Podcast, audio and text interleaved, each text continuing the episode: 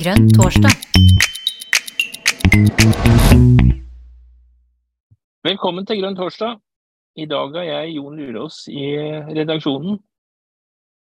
Og så er det sånn at eh, organisasjonen Miljøpartiet De Grønne har valgt ut noen eh, Jeg er litt usikker på hvilke begrep jeg skal bruke, men i hvert fall det er en del aktive folk som da skal få sjansen til å få litt ekstra støtte. og eh, det er på litt mindre steder, eller hva, Sindre Sørhus? Er Tynset et litt mindre sted?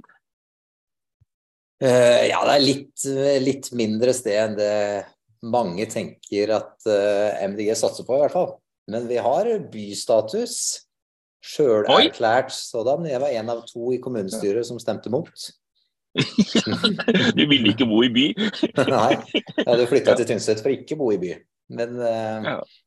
eh, det var kanskje en ting som der jeg tok litt feil. Da. Det har blitt eh, mye positivitet rundt det. Mm. Spennende. Eh, men eh, er det sånn at du nå skal bli ordfører? Er det det som er noe av forutsetningen eh, for å få den ekstra støtten fra partiet sentralt? Du har til og med hatt besøk av partisekretæren i dag, har jeg hørt rykte om? ja, jeg håper ikke det er forutsetninga, for jeg tror ikke jeg blir det. Det er, er veldig, veldig lite sannsynlig, da. Men Eh, jeg tror eh, litt av i hvert fall vår motivasjon for å søke på det, er jo at eh, vi har litt lyst til at nå skal vi satse litt. Og at vi skal gjøre skikkelig bra valg, da. Og kjøre en, en ordentlig valgkamp. Og så ser vi at vi har vært veldig nære å få inn to i kommunestyret sist, og vi tror at eh, sjansen for å gjøre et godt valg nå er ganske stor. Men eh, er det Altså, du, du ble jo folkevalgt i Tynset i 2015, hvis jeg er oppdatert her. Mm. Så da blir det eventuelt din tredje periode, og så kanskje med én person til. Eh, ja, men, to. Eh, ja, men det å komme det å, Hvordan er konstellasjonene der? Er det sånn at man kan komme på vippen er det sånn at du kan ende opp sånn som jeg gjorde i min første periode som folkevalgt? Så bestemte jeg faktisk hvem som ble ordfører. Var, jeg var jo ikke klar for det, men mm. jeg måtte gjøre det. Eh, er det er det en Senterpartikommune, husker jeg rett? Ja, Senterpartiet har rent flertall nå. Eh, ja. Men det er vel mye som tyder på at det får de ikke neste gang, da. Altså, det har stått mm. mellom Senterpartiet og Arbeiderpartiet, eh, og de, må si, de samarbeider jo mye. Så akkurat nå så er, eh, er, MDG en av to partier i opposisjon. Så det er Pensjonistpartiet og MDG i opposisjon. Og så er eh, alle de andre partiene er i posisjon, da. Men det er jo bare rent valgteknisk. Så vi har, vi har, vært med på alle de siste budsjettforlika, og da er det måte, Senterpartiet og oss, og så har Venstre vært med litt, og SV vært med litt. Eh, så vi har eh, blitt en sånn, selv om vi er opposisjon, da, en fast samarbeidspartner for, eh, for dem som styrer nå. Og jeg tror kanskje ikke på vippen nødvendigvis i ordførerspørsmålet, men jeg tror vi veldig ofte kan bli på vippen i veldig sånne viktige politiske saker, da. Um, mm. Fordi på vippen i ordførerspørsmålet kommer det til å sitte kanskje ja, fem, eh, fem, partier. Så der blir det veldig ja. mange som har mye makt. Ja, Og det å bli varaordfører er like vanskelig da, sannsynligvis? Ja, eller det tenker jeg det eh, Det kommer helt an på sammensetninga, men det er eh, Vi skal ikke så veldig høyt opp Eh, før vi blir tredje største parti. At eh, Hvis vi hadde hatt tre inne nå, så er vi tredje største parti. Og da hvis eh, Senterpartiet og Arbeiderpartiet ikke vil samarbeide, men begynner å krangle om ordførerposisjonen, så er vel alt mulig. Spennende. Dere får bli tre. Men hvilk, hva skal dere gjøre for å bli tre? Det er jo det som da er det store spørsmålet her. Og hva skal, hva, hva skal andre bidra med for å hjelpe dere til det? Men uh, hvilke tanker har du gjort det? Har du laga program i dag også? Ja. Fjellførerprogram? Med god hjelp fra Torkel så har vi nå laga Det er ikke vedtatt ennå, men vi har banka et utkast eh, ferdig til eh, programmet. Så det har vi gjort i dag, og det er steinbra. Så det er jo det det kanskje viktigste er jo å ha bra politikk, tenker jeg. Og så handler det om å, eh, å få den ut til folket, da, så andre ser at du har bra politikk. Og så må du ha troverdighet på at du kan gjennomføre den politikken. Eh, og jeg tenker eh, på alle de tre punktene så kan vi få veldig mye sånn gode tips og innspill og støtte fra sentralt. Så veldig nyttig i dag å ha med Torkel Torker og Kjetil, da, som har vært med oss og, og jobba med det å forme politikken. Men helt konkret, hvilke, hvilke, grep er det du har tatt i dag? Har du, har du nå en smørbrødliste som du kan dele med oss eh, som ikke nå sitter oppe i Nord-Østerdalen? Eh, nei, veldig mye. Jeg kan ikke dele alt, så kan jo ikke overføres til andre. Men det handler litt om å identifisere okay, hvilke hvilke områder er det der MDG skiller seg ut og har god politikk som eh, er hva skal jeg si, ofte nærmere det eh, befolkninga egentlig vil, enn eh, kanskje det de andre partiene har. da. Og det går på I vår kommune så er det særlig det med arealpolitikken. Kjempeviktig. Det er mange her som bryr seg om naturen, som har lyst til å ta vare på naturen, og særlig nærnaturen den som liksom den bruker i det daglige. Eh, og der de eh, kanskje ikke har fått med seg helt at mye av den er trua av eh, nedbygging nå. Fordi vi skal være en sånn ja-kommune og offensive. Eh, så jeg tror eh, det der med å ta vare på naturen eh, rundt oss, tror jeg er kjempeviktig. Og så tror jeg òg at vi nå, da, fordi jeg har sittet i to perioder i kommunestyret, Eh, så er vi òg på et punkt der vi kan få troverdighet på mer enn bare klima- og naturpolitikk. Sånn at det at vi har en eh, gode løsninger for skole og eldreomsorg og sånt nå, gjør at, eh, at vi blir aktuelle for enda flere, da. Tror jeg. Spennende. Så øh, har noen øh, det å nå ut er jo alltid et, eh, en utfordring. Eh, I forrige valgkamp så var det jo da en viktig del av valgkampen å gå og banke på dører og møte folk. Eller ja, banke, det, det, å gå hjem til folk, da. Mm. Er det noe Det var i forrige valgkamp, det er vel ikke så mye framme foreløpig i valgkampstrategien nå. Men hvordan, hvordan skal du komme deg ut? Hvordan skal, vet alle folk i Tynset allerede hvem Sindre Sørhus er? Ganske mange veit nok det, da, på godt og vondt. Men eh, eh, jeg tror eh, Jeg har nok vært en temmelig synlig politiker. Og jeg har en god del ganger vært den ene i sånn 26 mot 1-avstemninger. Eh, mm. og på saker som har fått en del oppmerksomhet, da. Bl.a. når de valgte å boikotte TV-aksjonen her av sånn eh, rovdyrhensyn. så eh, så var jeg den ene som sa mot det. Vi hadde et sånt lakseluftslott som eh, noen som begynner med lakseoppdrett på Tynset, langt oppe i fjella. da var jeg den ene som sa nei til det. Og det i tillegg til å være ganske aktiv i kommunestyret. Eh, gjør nok at de fleste som er litt interessert i politikk og sånt nå, veit hvem jeg er. Eh, og så er jeg lærer på ei skole, og da får du kontakt med veldig mye foreldre. Eh, og er aktiv på håndball og fotball og hockey og sånt nå ellers òg. Så veldig mange på Tynset veit nok hvem jeg er, men det er nok ikke sikkert de dermed veit alt hva jeg og partiet står for.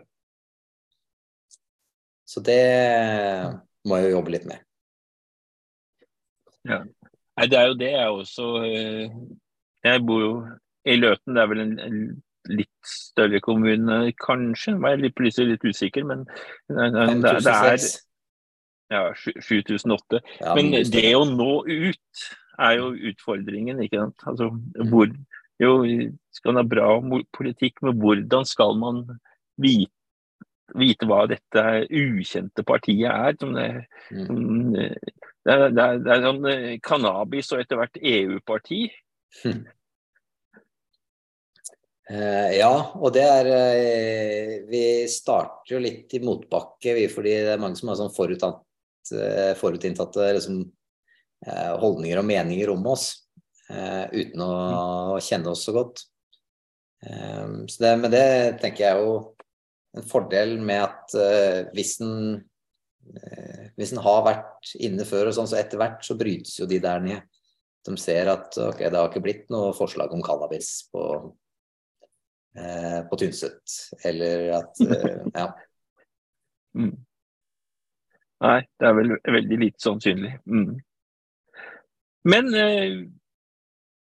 partisekretær Torkil Vedrehus eh, hva, kan, eh, hva er det du, kan, du og den sentrale partiorganisasjonen kan hjelpe Sindre Sørhus med på Tynset? Det er jo mange timers reise fra Oslo til Tynset, og det har du vel funnet ut i dag? Det visste du sikkert fra før også? Ja. ja jeg har vært gleden med å besøke Sparken i Tynset før, jeg, så det eh, var jeg klar over. Men det er eh, Nei, det er noe litt sånn begge veier, akkurat det at uh, jeg mener eh, for å vite hva man kan hjelpe med, så må man jo bli kjent med hverandre skikkelig godt. Og i dag så har jeg hatt muligheten til å sitte og diskutere politikk med Sindre i nesten seks, eh, seks timer sammenhengende, så begynner vi liksom å bli kjent med hverandre. Og det er liksom noe av det viktigste vi kan bidra med, er å eh, liksom utvikle tankene sammen, da. Eh, rett og slett om hva vi er, bruke de erfaringene vi har, og bruke erfaringene som Sindre har nå, og de andre har bygd opp over tid eh, til å utvikle noen planer basert på det man har. Og så tenker jeg så jeg er sånn, Hva kan vi bidra med? Jo, vi, vi har nå tenkt veldig mye på valg. Eh, jeg har nå tenkt veldig veldig mye på hvordan valg og politikk er i mange mange år. Så jeg, jeg tror jeg liksom har noen erfaringer og noen utgangspunkt for samtaler. Og så må, må, vi alle være, være, erkjenne at vi ikke kan Jeg kjenner ikke Tynset bedre enn noen Eh, andre, så da blir det mer innspill, og det har vi hatt gode runder på i dag. Så er det jeg merker eh, ofte er, jeg, eh, vi kan bidra med, er, at, eh, er å liksom gi selvtillit på de gode sakene. At det finnes Det er veldig mange standpunkt som er liksom fremstår liksom intuitive gode der ute, som man kan være villig til å ta, da. Og utvikle videre og liksom få trygghet i eksempler fra andre steder hvor man har gjort lignende ting, så erfaringsoverføring. Og også det å ikke liksom organisere seg passe mye.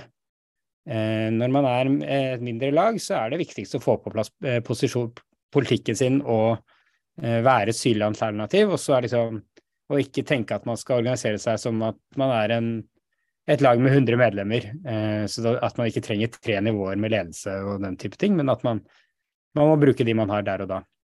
Eh, og så må jeg bare si, liksom, for partiets del, så er jo det er jo litt egoistisk for min del og for, eh, for helhetens del dette òg, at eh, ved å lære av folk som Sindre, så tror jeg og Vi skal hente ut disse erfaringene, sånn som du gjør nå eh, her på Grønn torsdag, også til å lære hvordan vi kan vinne valg flere steder og få eh, stabile og gode lag i mange steder som Tynset. Fordi vi vet at de fleste kommunene egentlig er i Det er flest kommuner i det størrelsessjiktet der i Norge. Eh, så vi har mye å, mye å, jobbe med over hele landet, og det er viktig organisasjonsbygging for MDG. Mm. Jeg ser jo det. Det er flere her som er alene, har testa ut det med å være alene kommunepolitiker for MDG. Så det så Størrelsen på lokallagene varierer jo litt, men der, den følelsen av å sitte alene og, den, og det å ha trygghet i standpunkter, eh, det, det, er, eh, det er ikke alltid like lett å vite hvordan man skal legge, legge seg der. og det er av og til at jeg jeg, jeg, jeg, jeg synes det kan være Selv om jeg vet at det er MDG-politikk, så kan det være litt vanskelig å ta eh, gitte standpunkter. Altså, hvor, hvor, hvor, hvor, rar kan man være? Ja. Ja. Ja, så handler det, litt om, det handler motsatt vei òg noen ganger. At noen ganger så må man få litt selvtillit på at det er greit å være for en parkeringsplass eller for en utbygging, eh, på en måte, hvis den er lur. Eh, og det er sånn mm. man erfarer etter hvert, da. Rett og slett. Mm. Jeg vet ikke, Sindre, om du har du eh, Er du trygg i alle debatter på hvor du skal legge det hen? Jeg er som regel enig med meg sjøl. Eh, ikke alltid, men eh, etter et kjapt gruppemøte så pleier jeg å lande sånn cirka da at jeg er stort sett enig med meg sjøl. Men nei, det er Det er jo bra å ha noen å spare med, noen å prate med.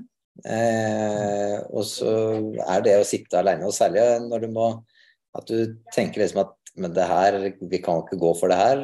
Og så foreslår du noe helt annet, og så er det massiv motstand så kan en jo begynne å tvile litt på liksom, ok, men er det jeg som er på jordet, da? Eh, så det er jo i hvert fall eh, veldig bra det å ha eh, partikollegaer og andre som liksom gir litt sånn respons og tilbakemelding på at nei, men det der, eh, det er riktig. Det er riktig tenkt. Eh, og når en eh, møter i, i ettertid òg liksom folk på gata, da, som bare sånn Hvorfor var, var det bare deg, liksom? Hva, ja. Eh, så er jo det en bekreftelse på at vi kanskje ikke er helt på jorda. Ja.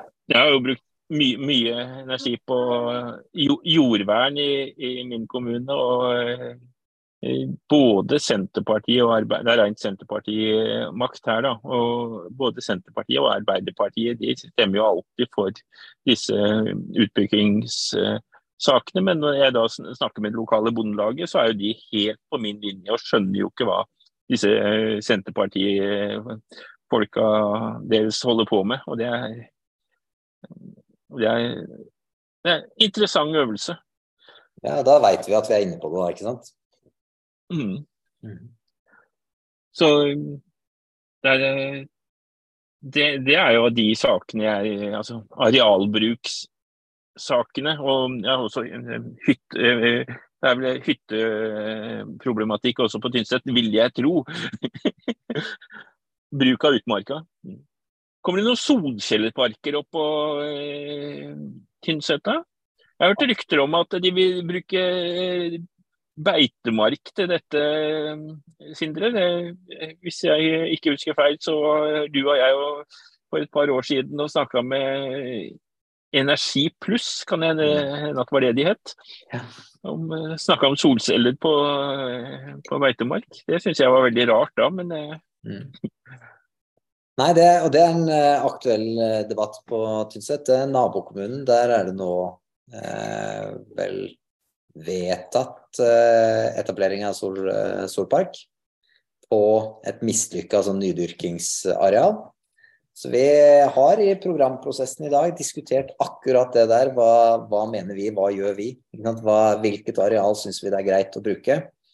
Eh, vi prøvde oss sikkert på sju-åtte forskjellige formuleringer på akkurat det punktet. Eh, men vi endte opp med en sånn derre ok, vi kan ikke være konsekvent avvisende, og vi kan ikke være eh, ja til alt heller. Så at vi skal vekte liksom, naturhensyn veldig tungt da, i eh, sånne saker. Men dere har jo uendelige områder med utmark, har dere ikke det? Ja, det skal vi beholde, skal vi ikke? At det er eh, For det er hvis det er litt, Og det kan være litt krevende. At Tanken er jo at vi oppi her eh, får folk kjempesvære kommuner. Vi har masse areal å ta av. Eh, og samtidig så er jo vi da noen av de kommunene som har masse areal som fortsatt ikke er nedbygd, og der er store urørte områder. Um, men det kan være litt sånn eh, krevende å være den som sitter da og sier at ok, men vi, ikke nødvendigvis av hensyn til oss sjøl, men til helheten, da, så bør vi spare, eh, spare en del av det arealet. Um, så det er uh, for noen så er det en vanskelig, vanskelig liksom, posisjon å, å, å, ta, at folk reagerer litt på det. Men samtidig så er det det å ha store areal betyr jo at det brukes veldig mye areal. Det er ikke noe område her som ikke brukes til turer og friluftsliv og, og sånt noe. Det gjør at folk er glad i liksom alle kroker av, av kommunen. Men blei dere enige om noen områder? Eh, ikke, vi har ikke blinka ut noen områder på Tynset der vi tenker at her skal vi etablere det. Eh, mm, fordi vi veit ikke hvilke som egentlig er aktuelle. Men uh, hoved, hovedstrategien er å satse på tak først. Ja, men det er vel så få hus at det jo ikke, blir jo ikke mye tak hos dere, blir det? Nei, men vi er faktisk den regionen i landet med flest plusskunder. Altså flest tak med Eller størst andel, da. tak med solcellepanel på. Så Bare på mitt lille felt så er det en hel haug som har fått opp solceller nå i det siste. Ja. Men dette er vel bl.a. pga. disse det, har vært noen som har vært veldig aktive og, pådrivere og gjør det rett, sånn som de er Energipluss, som vi nevnte i stad. At de, de, har vært en pådriver. Der, for det, det har ikke vi opplevd nede i Løten, noen pådriver fra energiselskapet. Og Det som viktigste, da, eh, grunnen til at folk gjør sånne ting, tar sånne valg, er jo ikke eh, hvilke liksom, støtteordninger du har, og sånt, men det er hva naboen gjør. Eh, så hvis naboen mm. gjør det, og du ser det og tenker hm, da blir det plutselig mye mer aktuelt for deg sjøl òg.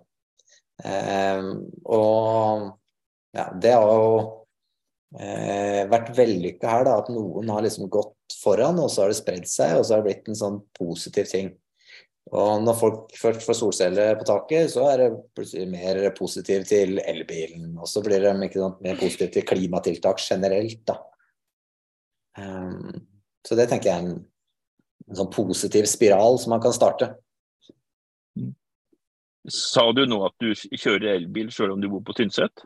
Nei, nei, nei, jeg må ikke si det høyt, eh, Jon. Da er vi ikke valgbar. eh,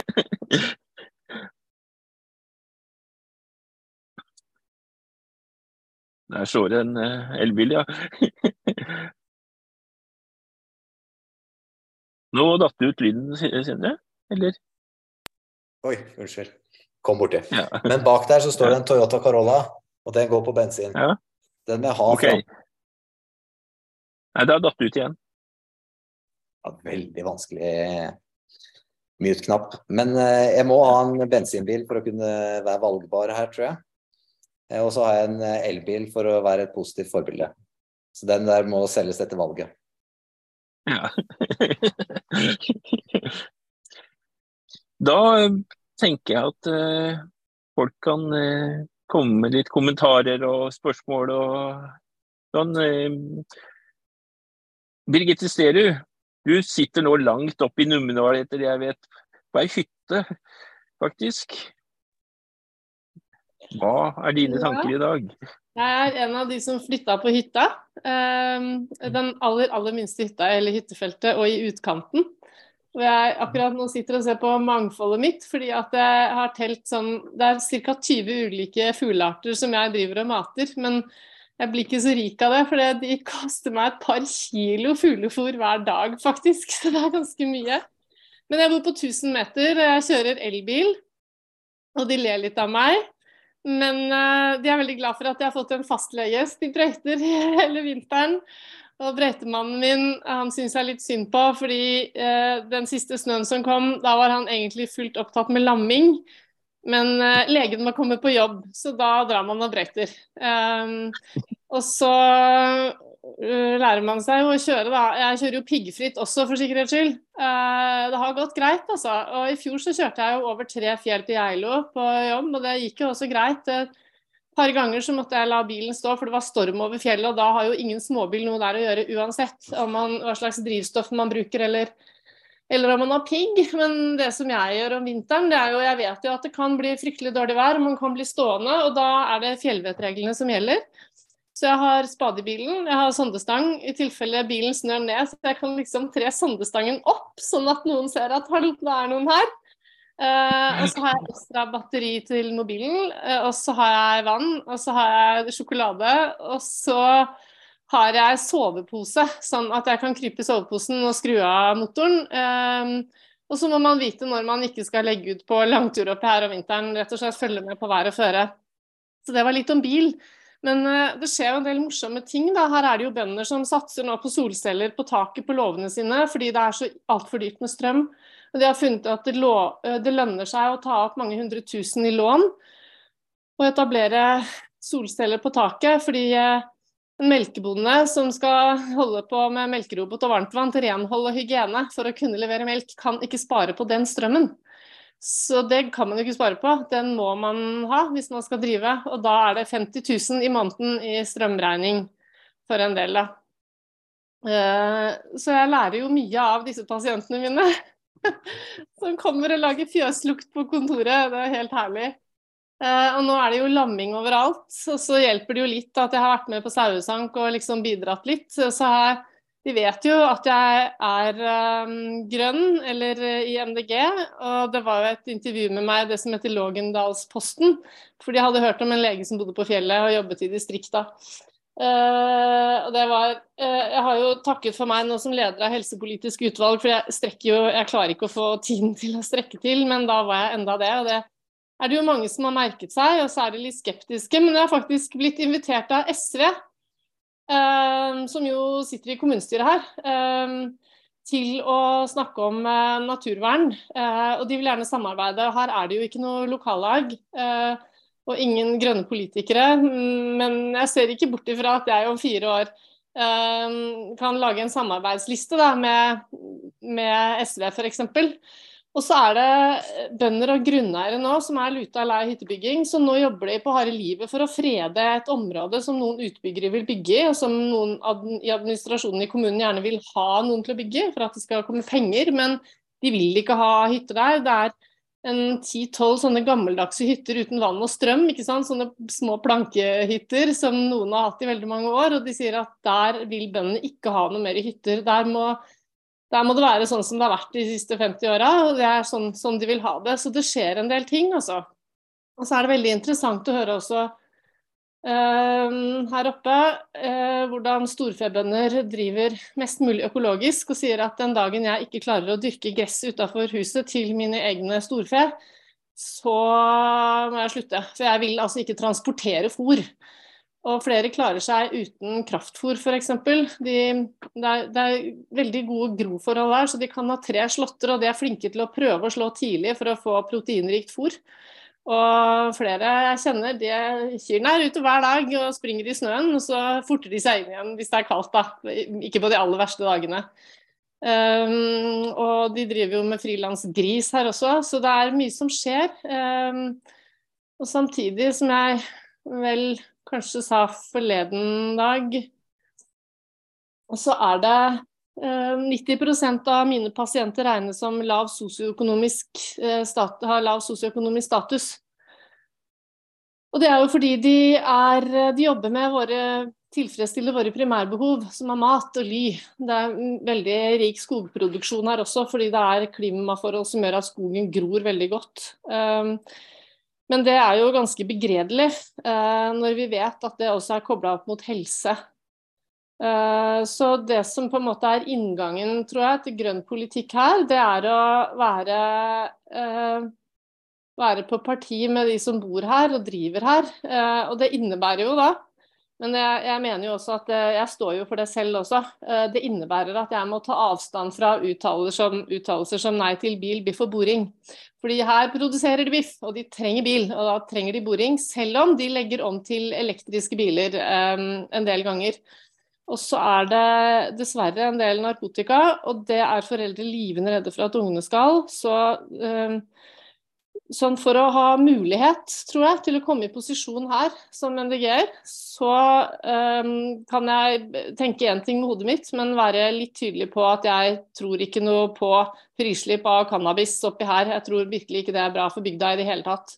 Og det sier jeg ganske tydelig.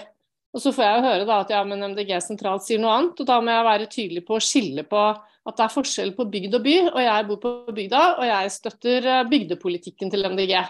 Eh, bypolitikken er ikke så relevant her. Eh, og så er det veldig gøy å høre om deg, Sindre, som får til ting der oppe, som er synlig, ikke sant? som lærer på en skole. og som du har holdt på mange år og bygd stein på stein. og Jeg tror det er noe av den tålmodigheten som gjelder. da, Å prøve å være medmenneske. og altså bare, bare være og vise. Og dele naturbilder på Facebook og kjøre elbil og um, alt det der. Og så etter hvert så skjønner folk at det var ikke så gærent likevel. Men det er jo nå skal jeg avslutte med dette. Pasienter har googlet meg, og så har de vært på konsultasjon, og så snur de seg i døra og så sier de at du var jo hyggelig.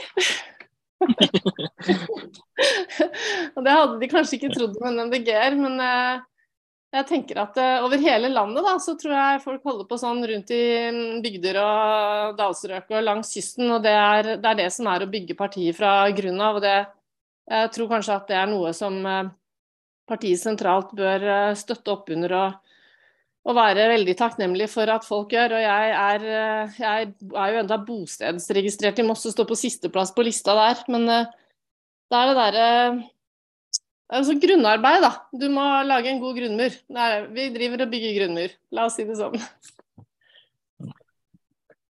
Takk, Birgitte. Torkil, du ville også kommentere litt her. Mm. Ja, nå har jeg vært i tilsetting. Jeg tenkte jeg skulle snakke litt, om, litt mer om tilsetting. Som, eh, Sindre er jo ganske ydmyk også, for så vidt. i arbeidet. Det er, jo, det er jo veldig tydelig for meg at uh, Tynset eh, kommune, etter å ha snakka med Sindre, er, eh, også er en foregangssted for eh, kommuner som eh, sliter litt med selvtilliten eller selvbildet. Eh, fordi Tynset er klart er jo, liksom, er jo litt annerledes da enn nabokommunene sine, litt større eh, i den forstand at man har klart å holde en jevn befolkning eh, og har eh, god kommuneøkonomi. Og det gir liksom rom eh, i seg selv, så det er noen forutsetninger her som kanskje ikke alle kommuner eh, som er så i, i 5000 eller mindre, da, har. Men det har også gitt dem eh, Det, er, det syns jeg er så tydelig, og det syns jeg folk skal se når de får sett Tynset MDGs program, se den positive ordlyden og hva hva eh, Tynset er, eh, som det programmet starter med. Eh, det tror jeg er veldig viktig liksom, å ha med en sånn positiv fortelling om stedet man går til valg på.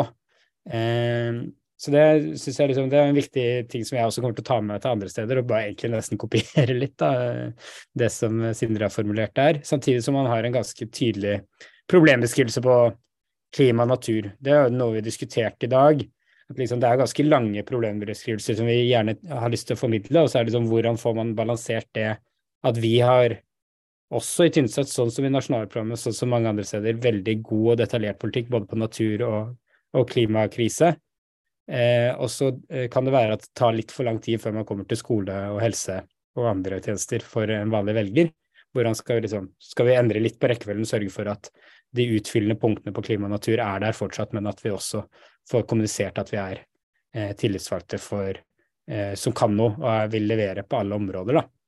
Og hvordan gjør vi det på en måte som vi ikke gjør at vi underspiller at vi kommer til å kjempe hardt for å unngå hyttebygging, eller at Biltema etablerer seg borte langs motorveien, sånn som de har gjort i store deler av landet nå, eh, i, i, stedet for, og dermed utarmer sentrum, f.eks. Mm.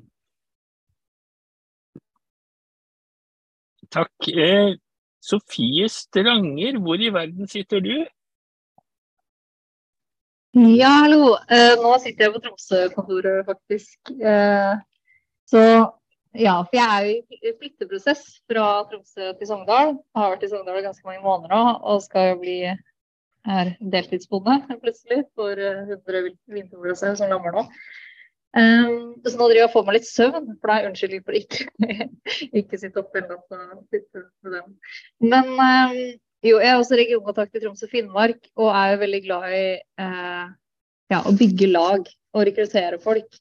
Og flere av dere har jo hørt meg før snakke om at vi må, eh, vi må rekruttere fra friluftsmiljøet. For det er uh, Det opplever jeg som ganske lett, egentlig. For det er jo folk som bruker naturen fra før av, og jeg klatrer også på ski. eller splitboard. Um, uh, og det er veldig, Jeg opplever det som ganske lett å få den til å stemme MDG. da. Uh, men så har jeg fått en liten åpenbaring nå, fordi det er jo litt artig nå som Sogn Avis har drevet og skrevet om at jeg stiller til valg i Sogndal og sånne type ting, så har de valgt å bruke sånne bilde av meg med felleskjøpedress. mine venner i Oslo og Tromsø steiler jo jeg var sånn Oi, det var høyt rett på sak, liksom. Men så jeg tror faktisk at i Sogndal nå så driver jeg og blir hun der bonden da, som også er MDG. Det er jo klart, egentlig. Eh, men jeg merker at altså, vårt eh, potensial også, eller Brite var jo også litt inne på det her med liksom, bønder og liksom, ja, en forstå de utfordringene som er, men også det ja, som du også sa, Jon, med nedbygging av natur og på en måte hvor, eller og matjord, ikke minst.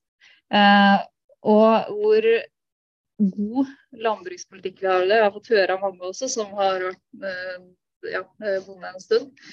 Eh, så jeg, uh, bare sånn generell kommentar, tenker at vi har kjempepotensial der også, etter hvert som folk begynner å skjønne at å ja, det er jo faktisk dere som som uh, kanskje har den beste politikken for meg, da, kanskje særlig som uh, småbrukere eller små og mellomstore bruk. Da. Uh, så det, ja, der har jeg fått litt sånn glede i det siste ved å se at, at når du får et talerør der til folk, at jeg kan og begynne å flagge litt at jo, da kan jeg skjønne hva dere snakker om, på fordi jeg er jo i det selv litt nå. Jeg tenker at vi har store muligheter. I tillegg til friluftsmiljøet, der må vi fortsatt bare gunne på snakke om naturpolitikk. For det, og det må jeg bare gi som som en generell ros til MDG sentralt nå. Det er så utrolig fint å se hvor mye det snakkes om natur og naturvern. alle disse, Den aksjonen som var, var det i går, nasjonalaksjonsdagen. Det var sånn det er så utrolig fint. da, og det er, det er, så nydelig og konkret. fordi klima er på en måte, det er jo selvfølgelig det viktigste, men det er jo komplekst. Men, natur, det er, eh, det er, utrolig fint å se. At uh, de snakker masse om Lågendeltaet. Ja, det er veldig bra. Takk, Sofie. Sindre? Ja, jeg syns det er flere som er inne på det nå. da, den der, Eh, ok, MDG har en plass på bygda òg. Og jeg, jeg, tenker at vi må eh, vi må passe på litt åssen vi snakker om det. for Hvis vi snakker om det som at eh, det er liksom noe rart og kunstig at vi er på plass i bygda, så underbygger vi litt det, da. Jeg tror at folk er like opptatt av både klima og natur og sånt om de bor i en bitte liten kommune som i byen. Eh, og at det er et potensial eh, egentlig rundt overalt. Da. Men det handler litt om å eh, ikke snakke så mye om og til, og mer med. Sånn at han forstår liksom de utfordringene og de tingene som, er, som gjør det vanskeligere da, å leve grønnere på bygda. For vi ser ofte lettere løsninger kanskje i byen enn det vi ser på bygda. Eh, fordi vi har stått liksom sterkere i byen og hatt eh, flere, flere folk der, da.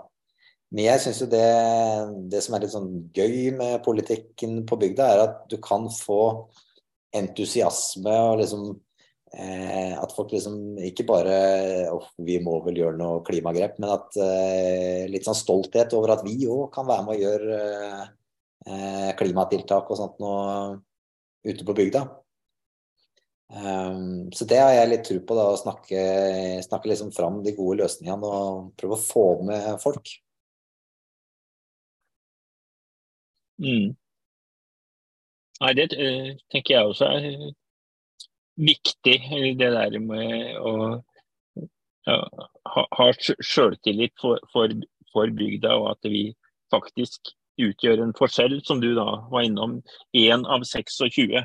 Eh, Altså det, er, det, er, du som, du som er den alternative stemmen. Og så, er, hvordan, kan Senterpartiet greie å stemme for eh, nedbygging av enda mer matjord og, og, og disse valgene som en del av disse partiene gjør. Men jeg må nesten spørre deg, Sindre. Um, Sofie, Sofie var jo innom da småbrukerlag og sånn. og Småbrukerlaget i Løten de har én sak de kjemper for det er eh, vekk med ulven. Eh, så eh, det, det, føler jo jeg sånn, det, det, Nå er jo ikke det noe sånn generell utfordring i, i, i, Norge, men i Hedmark så er jo rovdyr en helt reell problemstilling som, som treffer. Er det noe du kjenner på også? Ja, Vi har alle de fire store i eh, kommunen, og i tillegg til ørn og ganske mye beitebruk. Så vi ligger helt på grensa til ulvesona. Eh, ganske nærme svenskegrensa der det kommer streifulv. Eh, og, eh, og, det er jo hva skal jeg si, et betent tema. Um, og det diskuterte vi i dag på programmøtet. Hvordan inngang har vi til det? Jeg tror det er ingen som forventer at MDG skal være for å skyte all ulv. Og det bør de ikke forvente heller. Eh, så vi kan stå helt sånn stødig på det. Det er mange på Tynset som òg er veldig rovdyrvenner.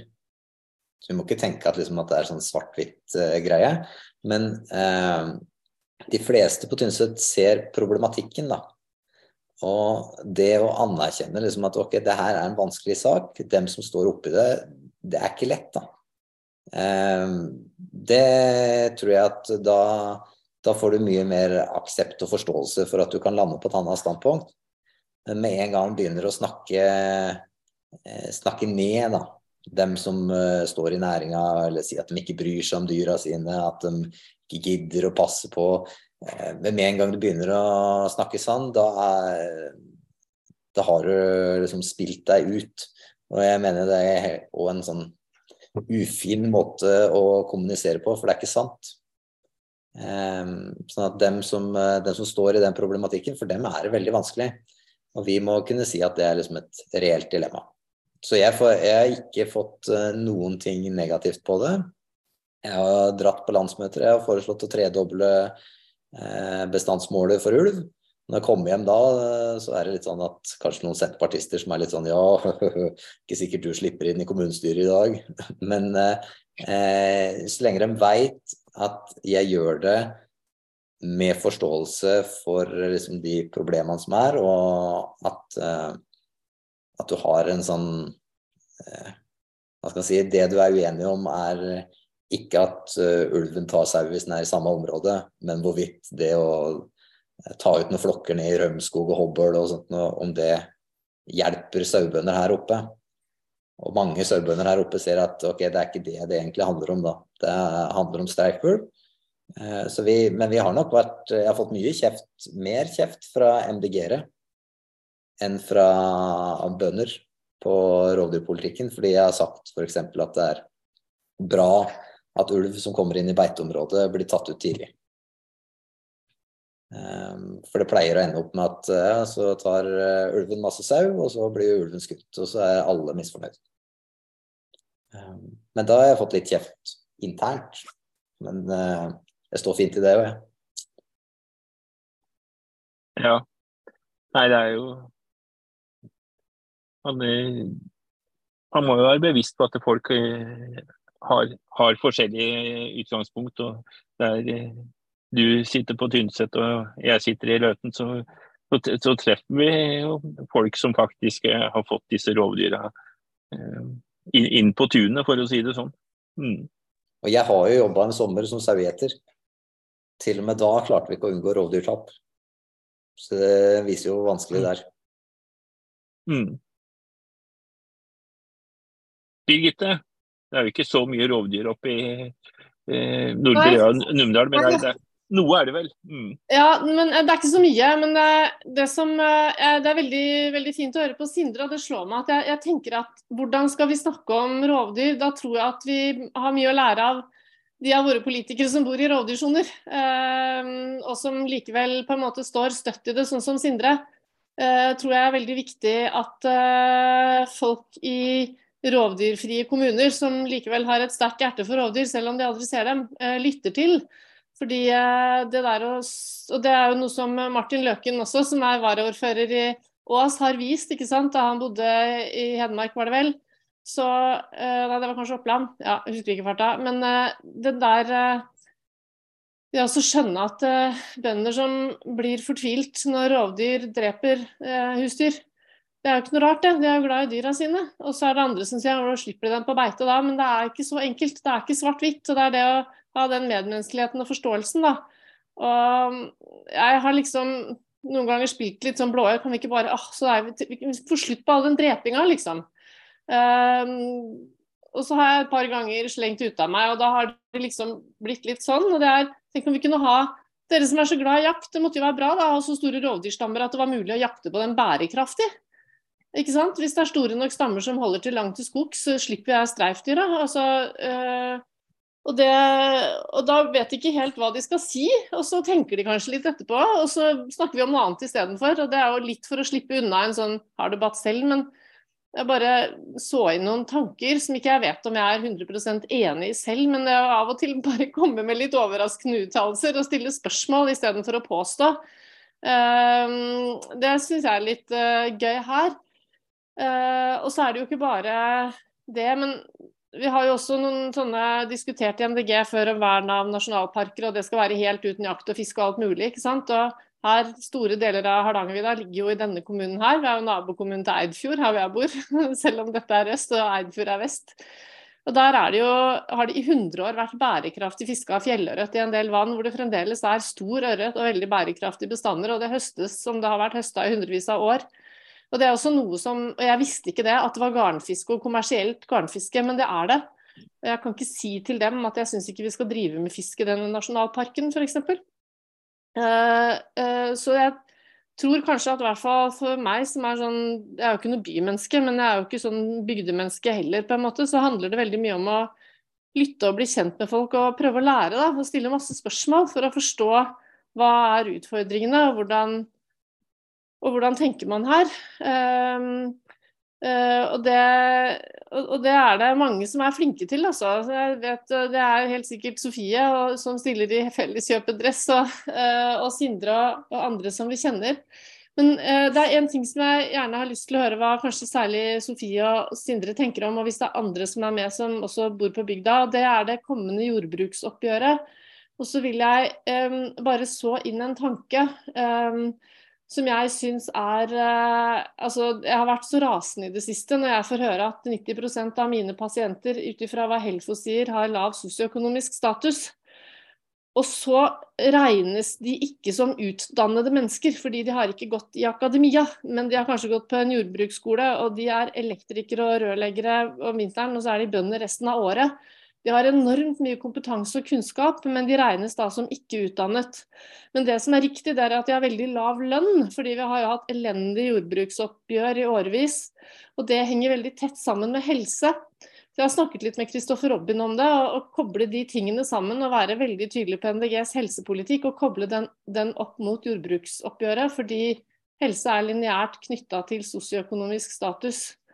Og bønder holdes nede av de tiårenes siste regjeringer med elendig jordbruksoppgjør. Så det er bare et sånt uh, tips når dere snakker om det. Så husk på det lineære forholdet mellom helse og, øh, og sosioøkonomisk status og bønders levekår, øh, og at de taper trippelt på fastlegekrisen, for de har jo så lang vei til det private at de får jo da mindre helsehjelp enn andre. Og de har kanskje statistisk og på gruppenivå dårligst helse fra før. Uh, det er en sak som bekymrer meg, men der tror jeg altså MDG har en veldig bra, veldig, veldig bra helsepolitikk og en veldig bra jordbrukspolitikk. Og nå er tiden for å se de i sammenheng, faktisk.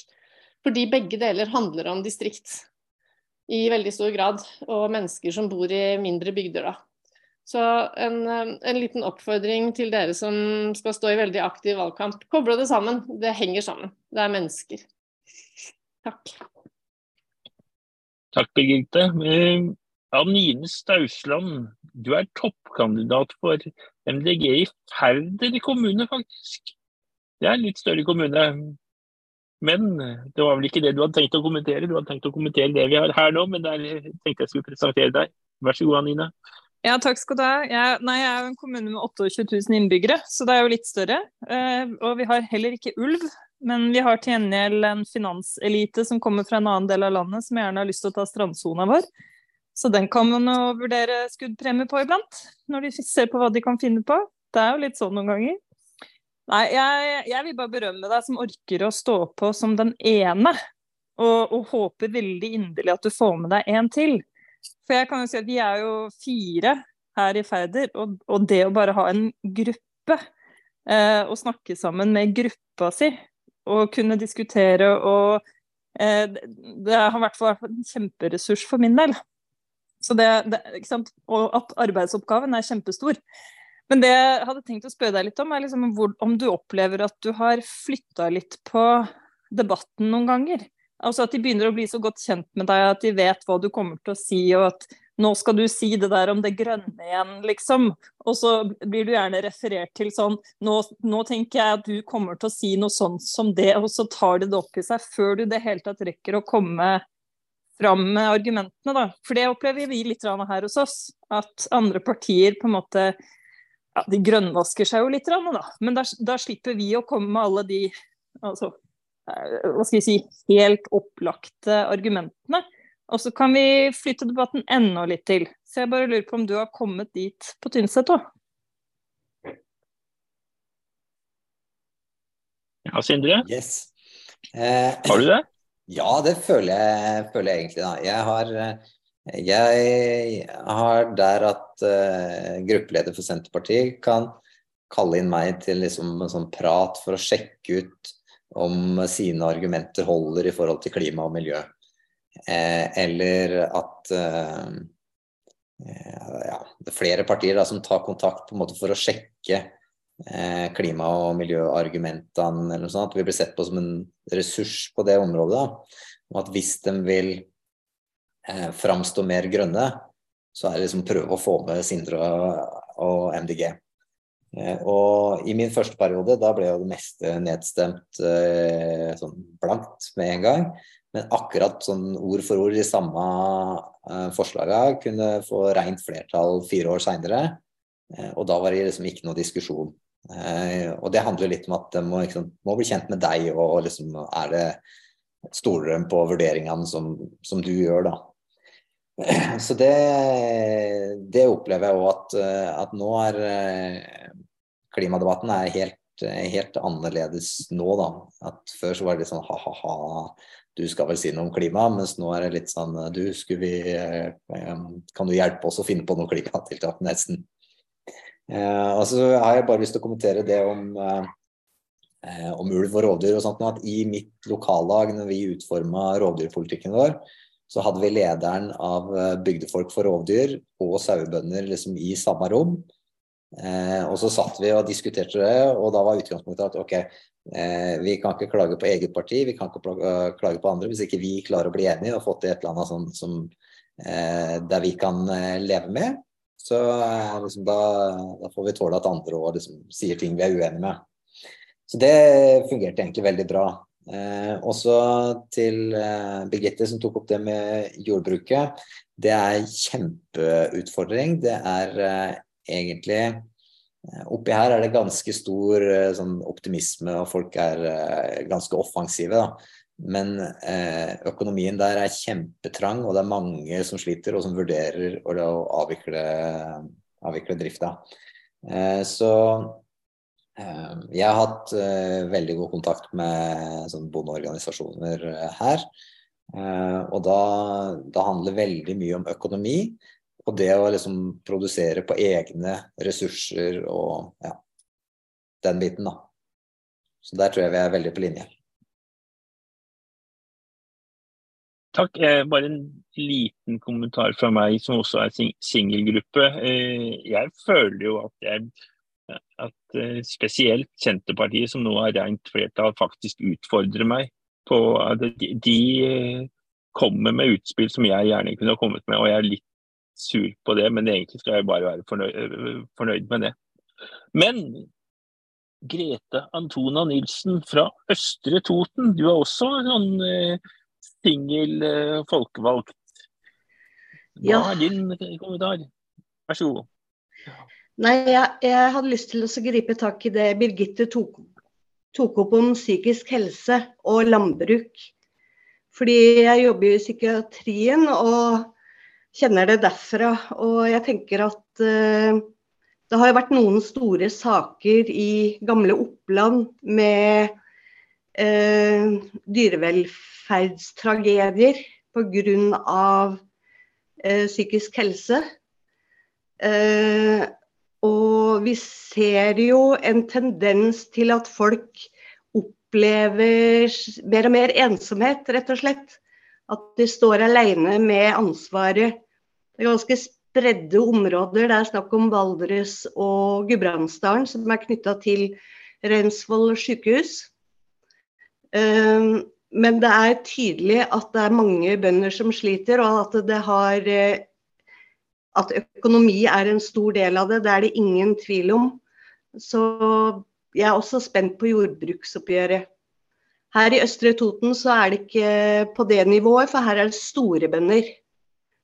De er ganske velstående, og de, er, de har vært i generasjoner. Eh, du har noen småbønder òg, men de er i fåtall. Så her er det store grønnsaksbønder. Det er jo stort sett grønnsaker som dyrkes på friland her. Eh, men de er på en måte, de får aldri nok, da. De vil bare utvide og utvide og utvide. Så min rolle har jo vært å være litt festbrems i mange av de nydyrkningssakene hvor de ønsker å, å nydyrke, hvor det er eh, rikt biologisk mangfold som da vil gå tapt. Men psykisk helse, det er viktig.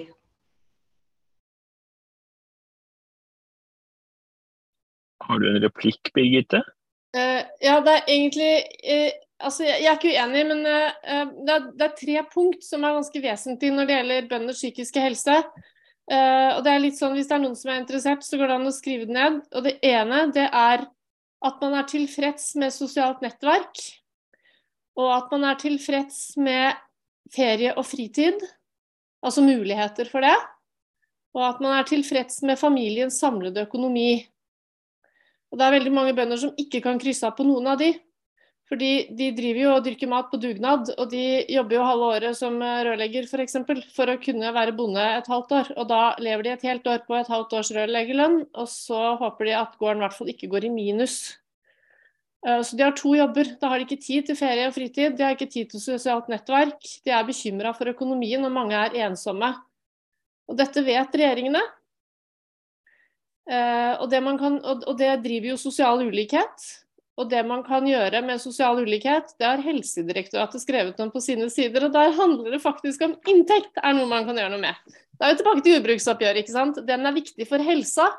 Og hvis du skal kverne fastlegekrisen til å bli enda verre, så skal du bare sørge for å ødelegge bønders helse enda mer. Så er du helt sikker på at hele systemet kneler. Vi har ingen fastleger, og vi kommer ikke til å ha matproduksjon her i landet. Hvis vi skal se sånn ordentlig svart på det. Og det kan vi snu med vår politikk. Det var ikke akkurat en replikk, men det var en sånn take home message i valgkampen.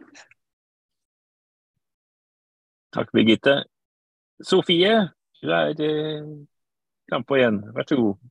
Yes, ja, det var egentlig Nå er det sagt så mye bra også, både fra ja, eller egentlig fra alle dere som har snakket nå. Men jeg hadde bare lyst til å kommentere også på det med landbruk eh, og bøndenes eh, hverdag, holdt jeg på å si. For det har jeg fått testa ganske ordentlig nå, særlig i lammesesongen.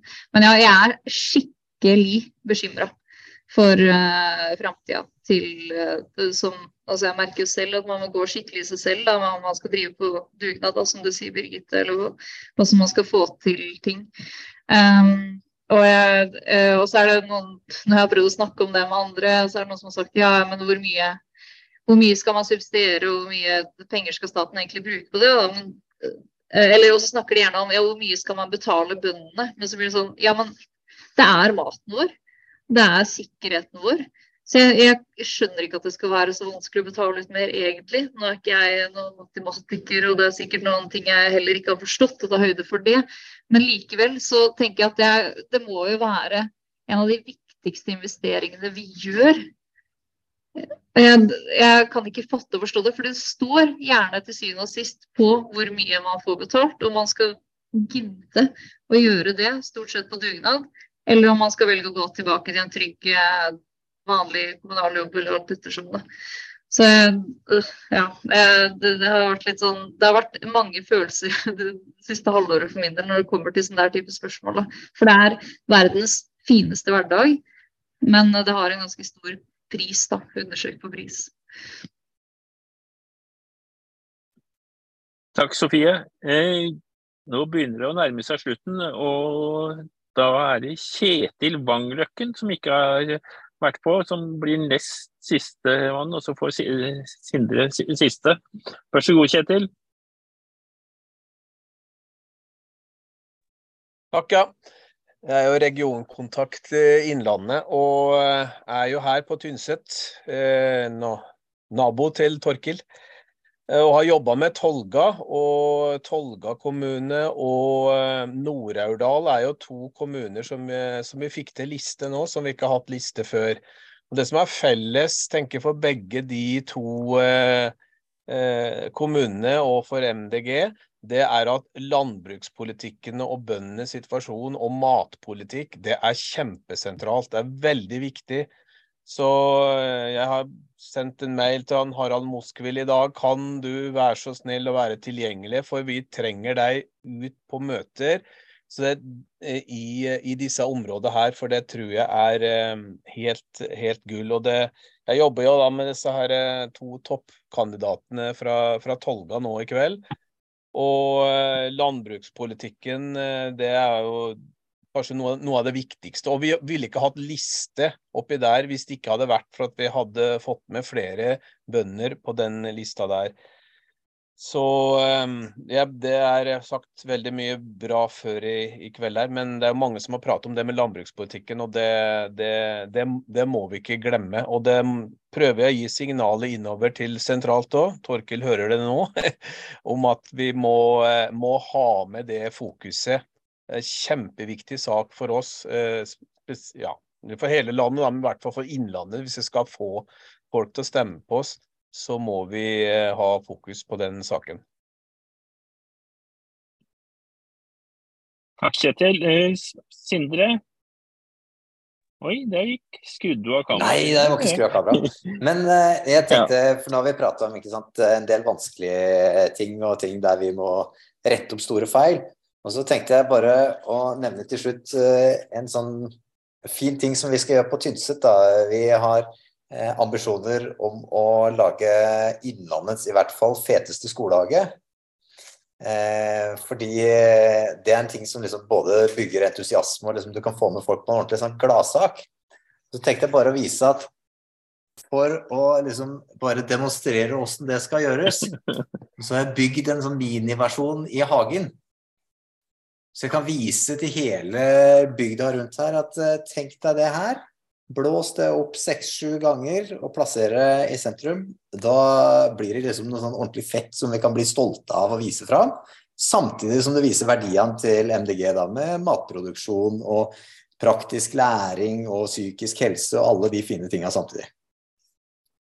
Så Det var bare det jeg hadde lyst til å si sånn på slutten. Veldig bra. Nei, nå er klokka fem over ni. Nå har vi holdt på en times tid. Takk for alle gode bidrag. Og eh, vi har fått litt mer innblikk i åssen eh, verden ser ut fra Det er vel verdens største spark som er på eh, torget på Tynset? Var i hvert fall det. Jeg tror de har stjålet den på lista eller noe sånt. Ne? Det var noe sånn Ylvis-prosjekt. De skulle gå rundt og stjele, stjele verdensrekorder. Ja. ja. Nei, men uh, takk for uh, alle gode bidrag. Og lykke til i valgkampen, uh, Sindre Sørhus. Og så satser vi på at du, du, blir tre personer etter valget 12.9. Det satser vi på. Det ville vært det har vært fant fantastisk. Ha en fortsatt fin kveld. I like måte. Ha det bra. Ha det bra.